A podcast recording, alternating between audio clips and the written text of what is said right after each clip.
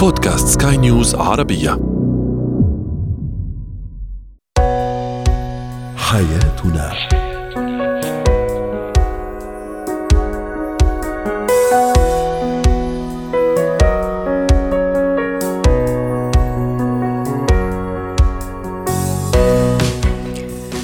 مستمعينا الكرام أهلا بكم معنا إلى حياتنا فضاؤكم اليومي الذي يعنى بشؤون الأسرة وباقي الشؤون الحياتية الأخرى والذي يمكنكم الاستماع اليه عبر منصات سكاي نيوز عربيه dot com سلاش بودكاست وباقي منصات سكاي نيوز عربيه الأخرى. شاركونا عبر رقم الواتساب 00971 561 88 6223 معي أنا ابتسام العكريمي.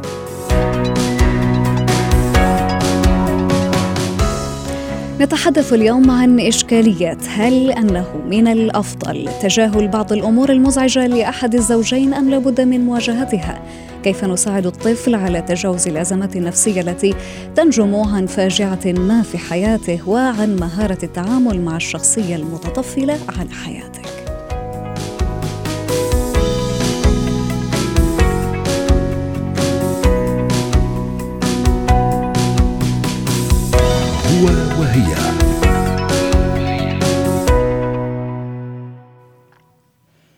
بين الزوج والزوجة قد تحدث بعض المسائل التي تستحق النقاش فيها من فترة لأخرى طبعا للوصول لحل نهائي لها. ولكن هناك أمور أخرى قد يعتبرها الشريك غير قابلة للنقاش رغم أنها قد تزعج الطرف الآخر الذي يحتاج بالضرورة لتفسير لهذه الأمور. وهنا تبرز الإشكالية الكبرى. ألا وهي هل أنه من الأفضل تجاهل بعض الأمور المزعجة لأحد الزوجين أم لابد من مواجهتها؟ رحبوا معي مستمعينا الكرام بالدكتورة نهاية الرماوي الاستشارية النفسية والأسرية. يسعد أوقاتك دكتورة. أهلا وسهلا بك. أهلا ابتسام ومساء الخير لجميع المستمعين.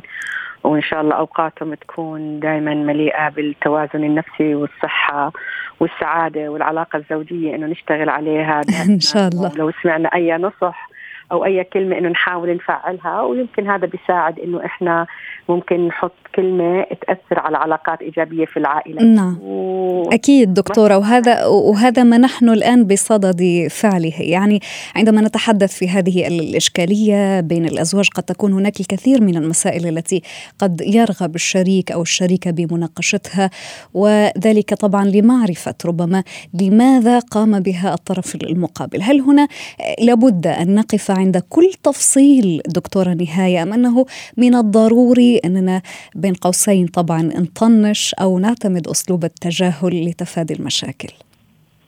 تمام. هلا إحنا بنعرف إنه لا يوجد شريك كامل. ما في شريك رح يجي زي ما إحنا بنفكر زي ما إحنا بنحب 100% فدائما أي شخص بنرتبط فيه له بيكون مثل العملة يعني له وجهين ولكنها هي عملة واحدة في جانب إيجابي وفي جانب سلبي. أحيانا بعض الأمور الإيجابية بتسعدنا في العلاقة وبتخلي العلاقة صحية. لا وأمور سلبية تضعف هذه العلاقة. كل ما كثرت الأمور السلبية في العلاقة من الطرفين أدى ذلك إلى أنه يكون الزواج أنه مزعج أو غير مريح واحيانا غير ناجح. مشان هيك تفهم هذه الجوانب من الطرفين يساعد على التفاعل. فأحيانا يوجد مثلا عند الشريك ما يزعجنا من صفات ليست كل المواقف تستحق الوقوف عليها. يعني ما تخلي معاركك دائما على الأشياء الكبيرة والصغيرة، أحيانا بحكي المعارك التي نخوضها بحياتنا أو حتى النقاشات أو حتى بذل الجهد يكون في أمور فعلا هي يعني تعني لنا الكثير وتؤثر علينا كثيرا. حتى يصير لها مفعول أكثر في أمور صغيرة إنه أنا ما بدي أوقف عنها خاصة إذا كان في جوانب إيجابية بتعمل هذا التوازن في العلاقة بين الطرفين. وليست كل المعارك ربما تستحق أن نخوضها دكتورة نهاية، طيب متى علي أنا أني أناقش ومتى يلزم أن أعتمد التجاهل مع الشريك وهل ذلك مثلا مرتبط بالحالة النفسية أو المزاجية أو حتى بالواقعه في حد ذاتها دكتورة؟ هلا في أمور قد تزعجنا من الشريك تطرأ بسبب أمور نفسية بتكون عندنا، يعني إحنا مرات قدرتنا على التحمل بتقل، مش دائما عندنا قدرة عالية على التحمل، فبتظهر بعض المشا... المشاكل أو بعض الخلافات لكنها تظهر بشكل عفوي يعني مش إنها ثابتة، لكن هناك بعض المشكلات مستمرة وموجودة. هون بيجي إنه كيف أنا بدي أتعامل مع هذه المشكلة. إذا كانت المشكلة مستمرة وثابتة أنا بحكي دائما الوضوح والمواجهة هي يجعل العلاقة صحية. إنه أنت لما تشوف شريكك إنه عنده شيء بيعمله بشكل دائم وبزعجني من حق الشريك هذا إنه يعرف إنه هذا الموضوع بزعجك. لأنه إذا كان مهتم فيك وفي علاقة احترام متبادل في العلاقة الأسرية فبصير يتجنب ما يزعجك. يعني بصير التغيير لأنه بيعرف أنه هذا التصرف أو هذا السلوك أو هذا الطبع يزعج شريكي فبحاول منه. هلا التغيير بشكل كامل لا يتم بسرعة. وبشكل جذري يعني من بداية ما أنه يصير في توضيح لمثل هذه المواقف. ربما مع مرور الوقت والعشرة و... وأنه الطرفين أو الشريكين يعني يفهموا بعض مع ال... مع الوقت ومع الحياة ال... ال... الأسرية ومع مؤسسة الزواج في حد ذاتها. يعني ربما أنا أستطيع أني أفهم شريكي أو شريكتي بطريقة أفضل عمق. وهون بتيجي ابتسام آه، بنفس الوقت الطريقة اللي انت بتحكي فيها للشريك إنه في عيب فيك من وجهة نظري أو هناك ما يزعجني إنه إذا خيرت بين أن تكون محقا وأن تكون لطيفا اختر أن تكون لطيفا. يعني أنت معك حق تقول له إنه هذا الصفة فيك مش منيحة بس احكيها بطريقة لطيفة. ما تجرح. الهدف هو التحسين. آه ما تجرحه ما تنتقده ما تحسسه إنك عم بتلومه على هذا الشيء اللي موجود فيه. مشان هيك أحيانا بحكي إنه أنت بتطلب من الطرف الثاني لكن أنت إذا بدك تعدل تأثير هذا السلوك المزعج بدك تشتغل على حالك فإذا ارتبطت هذا السلوك المزعج من الطرف الثاني بجانب إيجابي أنا بقول تقبلها يعني في زوجة بتقول أنا زوج كثير بيهتم بالناس بيهتم بالآخرين على حساب مرات الأسرة مرات بقولها طيب إنه إذا هو محب ومعطاء للجميع ومهتم بالآخرين وممكن مرات مثلا يكون على حساب أمور بالبيت. هل هو محب لكم ومعطاء وبيهتم فيكم. قال آه لما إحنا نحتاجه كمان بعطينا بنفس الطريقة. بقول إذا نتقبل هذا الشيء المزعج في شخصيته. أما إذا ارتبطت الأمور بجانب لم ترتبط بجانب إيجابي يعني مثلا إنه هو بيصرخ كثير بالبيت وعصبي كثير بالبيت بس مع الناس كثير لطيف وبيعرف يضبط انفعالاته. في هاي الحالة يستحق هذا الموقف إنك تكون واضح فيه وتطلب من الشخص تتناقش معه بطريقة لينة. فهون بنحكي إنه آه، هناك مواقف إنه نحكي كيف نحكي فيها الطريقة آه، نكون واضحين. ما أضلني أطنش وأنا زعلانة. هلأ التطنيش يأتي بحالة إيجابية إمتى؟ إنه أنا ليت جو خليتها تروح الأمور بس أنا مش متأثرة. لكن إذا أنا مطنشة بس عم بجمع وبراكم يوما ما ستظهر قنبلة. يعني هذا التطنيش اللي أنت مش راضي عنه بطريقة تقبل. إذا أنت يعني طنشت بطريقة متقبل وراضي بيكون جاب مفعوله لكن انت مطنش لأنك عم بتراكم. يلا خليني أمشيها. خليني أمشي. انت ما عم بتمشيها انت عم بتراكمها. فبدنا ننتبه لطريقة التفكير حتى إنه أنا آه، تكون أموري بعملها مع شريكي أول بأول حتى لا تتراكم المشكلات ولا لا تتراكم المشاعر السلبية. ويحدث هناك انفجار وردة فعل عنيفة. يمكن يكون صعب إنهم الاثنين يواجهوها لحدة المشاعر اللي بتكون تخزنت سابقا من عدم الوضوح والمناقشة والحوار. يزعجنا في العلاقة. وهنا آه، دكتورة نهاية اسمحي لي أنه نقوم ب آه، يعني فتح قوس صغير. يعني كل هذه الأمور قد تحدث نتيجة غياب الحوار أو التواصل. دعيني أقول التواصل الصحي. فكيف نحافظ اليوم على ديمومة هذا التواصل الصحي؟ ونحن نعلم أنه حتى العلاقة بين الأزواج اللي تكون مبنية على التواصل قد يحدث فيها بعض الشوائب مثل ما يقال وهذا أمر طبيعي كذلك دكتورة؟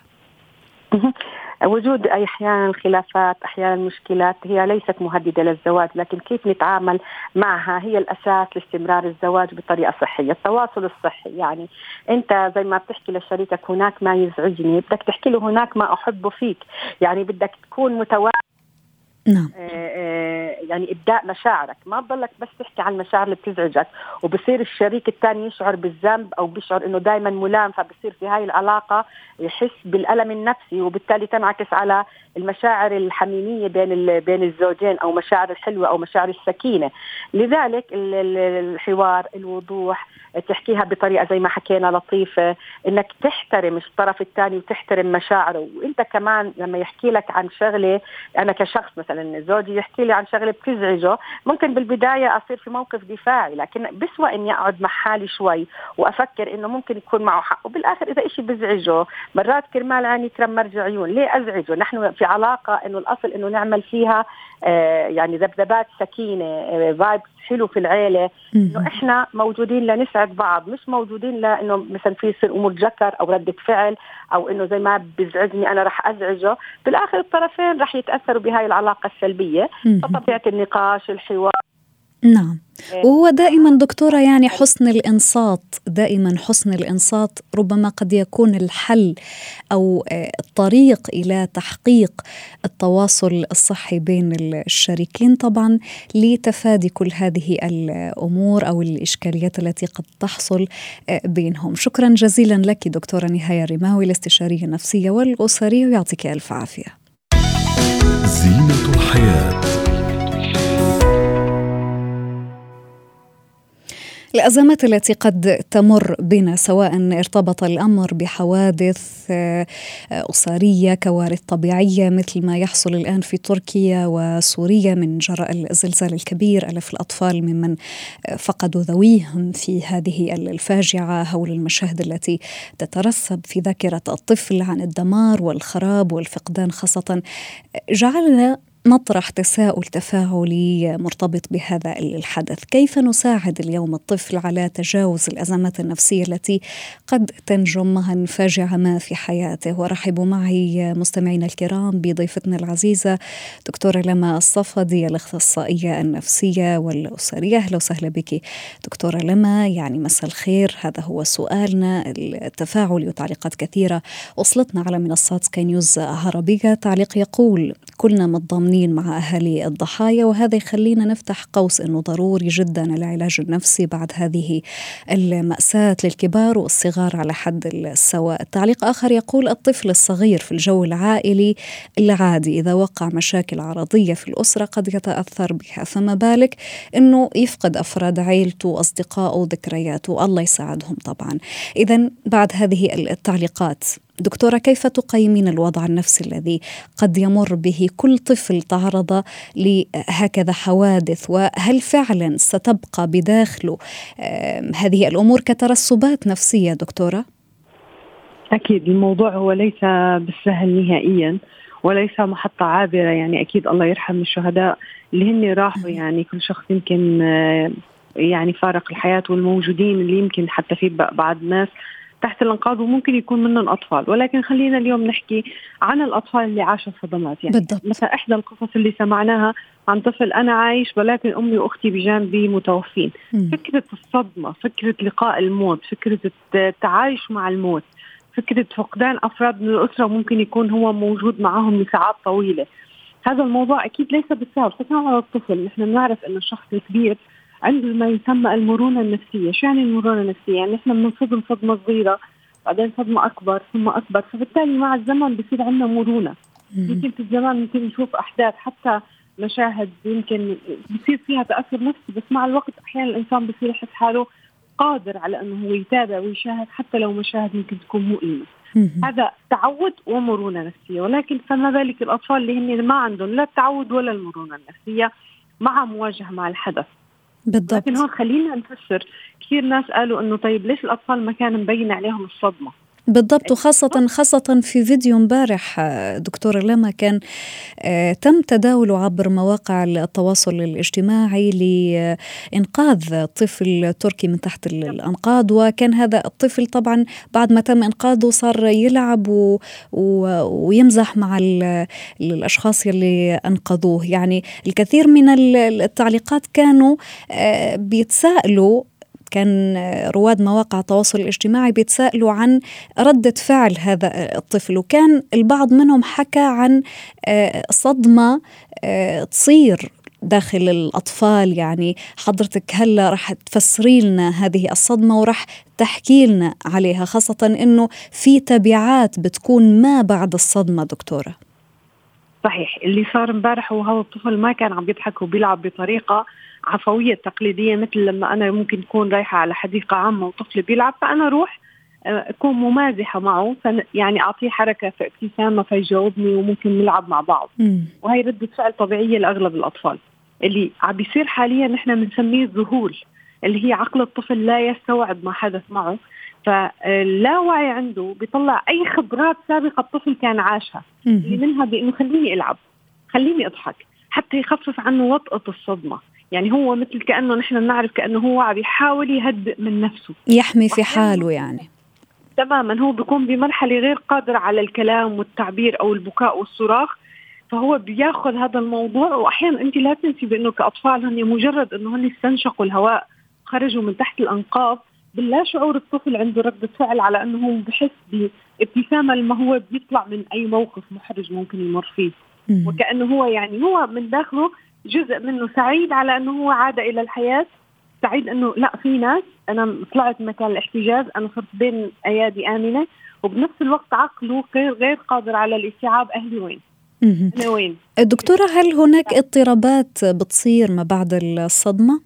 أكيد هي اضطراب ما بعد الصدمة. اضطراب ما بعد الصدمة هو عبارة عن اضطراب نفسي يصيب الأشخاص والأطفال بعد مرورهم بكوارث أو حروب. وبالكوارث تحدث على انه الإنسان لا يتقبل الفقد. فأول فترة بيكون هو عنده حالة رفض. نحن امبارح كمان شفنا للأسف أحد الآباء لأنه اليوم عم عندنا قصص واقعية باللي كل الناس عم تشوفها. كان رافض انه يأخذوا أطفاله حتى يعني إلى المثوى الأخير. كان يقول لهم خليني أخذهم دفيهم وبرجع لكم إياهم. بالضبط. هذا اللي عم يحكيه هو ما له علاقة بأنه هو خايف عليهم حتى بعد ما ماتوا. اللي عم يحكيهم اللي عم يحكيه اسمها مرحلة اللي هي عدم التقبل. نسميها بمراحل الحزن اسمها الإنكار اللي هو العقل الباطني ينكر ما يحدث. نعم. فيقنعوا بيعطيه إحساس هيك بالأمان بإنه لا لا نح أنت في عندك أمل إنك ممكن تصنع شيء معهم. فهذا الموضوع كثير مهم على إنه يكون في دعم نفسي للأطفال بالدرجة الأولى. تماما. وكيف يكون هذا الدعم النفسي دكتورة لما؟ هل من أساليب نتبعها لجعل الطفل يتجاوز مثل هذه الحوادث المؤلمة؟ صحيح. أول مثلا مشاهد كانت رائعة لكل فرق الدفاع اللي شاركوا كانوا يطلبوا مثلا الأطفال اقرأوا قرآن. كان يطلبوا من الطفل آه أنت متخبي هون تحت هي الصخرة فدائما كان يعطوهم جمل تحسسهم بالأمان وبنفس الوقت ممازحة ما فيها إحساس بالخوف. م. فأول نقطة إنه نحن ما نحاول نشرح الوضع للطفل. يعني نحن مثلا ما نحاول مرة واحدة نشرح للطفل أنت موجود بالمستشفى وأهلك توفوا. أو إن أنت كنت محتجز تحت أربع طوابق. نعم. لا نحاول بداية نخفف عنه حتى اللاوعي وعقله يستوعب إنه هو بأمان. ويصير يفوت بحاله شوي الهدوء نوعا ما. النقطة الثانية بأنه نحن ما نعطي جمل كاذبة. أهلك رح يرجعوا بعد شوي على فرض لو ما نعطيهم أمل يعني. آه لأنه هي صدمة مضاعفة حتكون هو ما رح يحملها. نعم. لا نحن بنقول ما عندنا معلومات حاليا. بس إن شاء الله رح يصير عندنا معلومات. فدائما نحكي على ما نحكي وعود كاذبة لأنه هو ما يعني صار بمرحلة لم يعد يمتلك قدرة على أنه يتحمل صدمة جديدة. واضح. أمل ثم صدمة أمل ثم صدمة.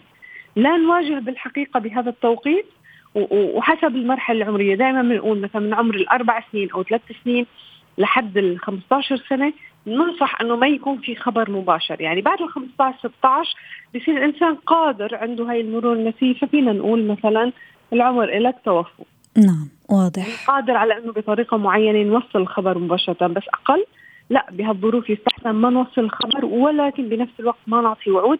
والنقطة اللي بعدها لا نطلب منهم يكونوا أقوياء أو لا تبكي خليك قوي ابدا. لأنه يعني هو بمرحله أضعف إنسان في الوجود فنحن نعم. نتفهم الضعف. نحترم حزنهم يعني. صحيح. صح. تمام. شكرا جزيلا لك دكتورة لما الصفدي الأخصائية النفسية على كل هذه الإضاءات. مهارات الحياة. قد يحدث أن نصادف بعض الشخصيات الفضولية أكثر من اللازم كما يقال شخصيات تود معرفة كل صغيرة وكبيرة عنك شخصيات تراقب أخبارك وتحركاتك وأبسط الأمور التي تتعلق بك. معنا الآن ضيفتنا العزيزة أستاذة هبة نفاه مدربة مهارات الحياة. أهلا وسهلا بك أستاذة هبة. يعني حوالينا قد يكون هناك بعض الشخصيات بين قوسين المتطفلة على خصوصياتي كيف أتعامل معهم وكيف أحمي نفسي من التجاوزات التي قد ترتكبها هذه الشخصيات عن عمد ولا أيضا عن جهل يعني؟ يا هلا. أهلا وسهلا. أهلا فيك آه أول شيء الشخصيه المتطفله اللي عرف عنها هي شخصية كثير مزعجة وبتأثر على حياتنا سلبي. آه هذا نوع نوعية الشخص اللي بحب يتدخل بخصوصية العالم بيطرح أسئلة كثير بيتدخل بتفاصيل وبأمور ما بيعنيها. نعم. كيف نتعامل مع هؤلاء الأشخاص؟ كيف نتعامل معها؟ أول شيء نحن في عنا فن التعامل وفن الرد بدون ما يكون عنا أي إحراج لأنه نحن دائما إذا شخص آه يعني من أقاربنا من عائلتنا من أصدقائنا شخص كبير شوي بالعمر دائما بيكون عنا الخجل إنه نحن نحط له حدود نعم فالرد بده يكون دائما طبعا بطريقة كثير لطيفة ومحترمة اولا. فلازم يكون عندنا سرعة البديهة وإنه نستعمل أسلوب التواصل. هي أول خطوة لازم نعملها. آه يعني مجرد ما إنه يطرح علينا هذا السؤال هالشخص هذا السؤال آه ممكن نحن بنظرة آه نغير الموضوع يعني نبين له إنه نحن والله أنا ما بدي أعطيك جواب على هذا السؤال. هل ممكن إن مثلا نجيب بتحفظ؟ طبعا. وممكن كمان بطريقة ثانية إنه نحن آه نعطي جزء من الجواب إذا كان الشخص كثير آه مثل ما بيقولوا لحوح. يعني بالعامية شخص حشور أيوه بالضبط حشور. وفينا نحن نطرح عليه السؤال لأنه هون هو حينصدم شوي إنه إنه ممكن يفكر فيها مرتين ما يجاوب إلا إذا كان كثير مصر إنه بده يعرف أنت وين كنت مثلا. وفينا نحن بطريقة ثانية اللي هي خلص مختصر مفيد إنه فيك بكل احترام وبكل تهذيب بتقولي لهذا الشخص آه بعد إذنك أنا ما بحب حدا يتدخل بهالأمور. ممكن يزعل شوي يتضايق أول شيء بس بعدين بتعود وأنت بتعوديه كيف الحدود عندك وكيفية التواصل معك. يعني أستاذة هبة حضرتك حكيتي عن الصد بطريقة طبعا لينة وأيضا الأسلوب اللي نعتمده بالإجابة بالتحفظ أو بعدم إعطاء كافة التفاصيل. ربما هذه هي الأمور التي قد نعتمدها في التعامل مع الشخصيات اللي تكون شوية متطفلة على حياتنا. شكرا جزيلا لك ضيفتنا العزيزة أستاذة هبه نفاع مدربة مهارات الحياة ويعطيك ألف عافية.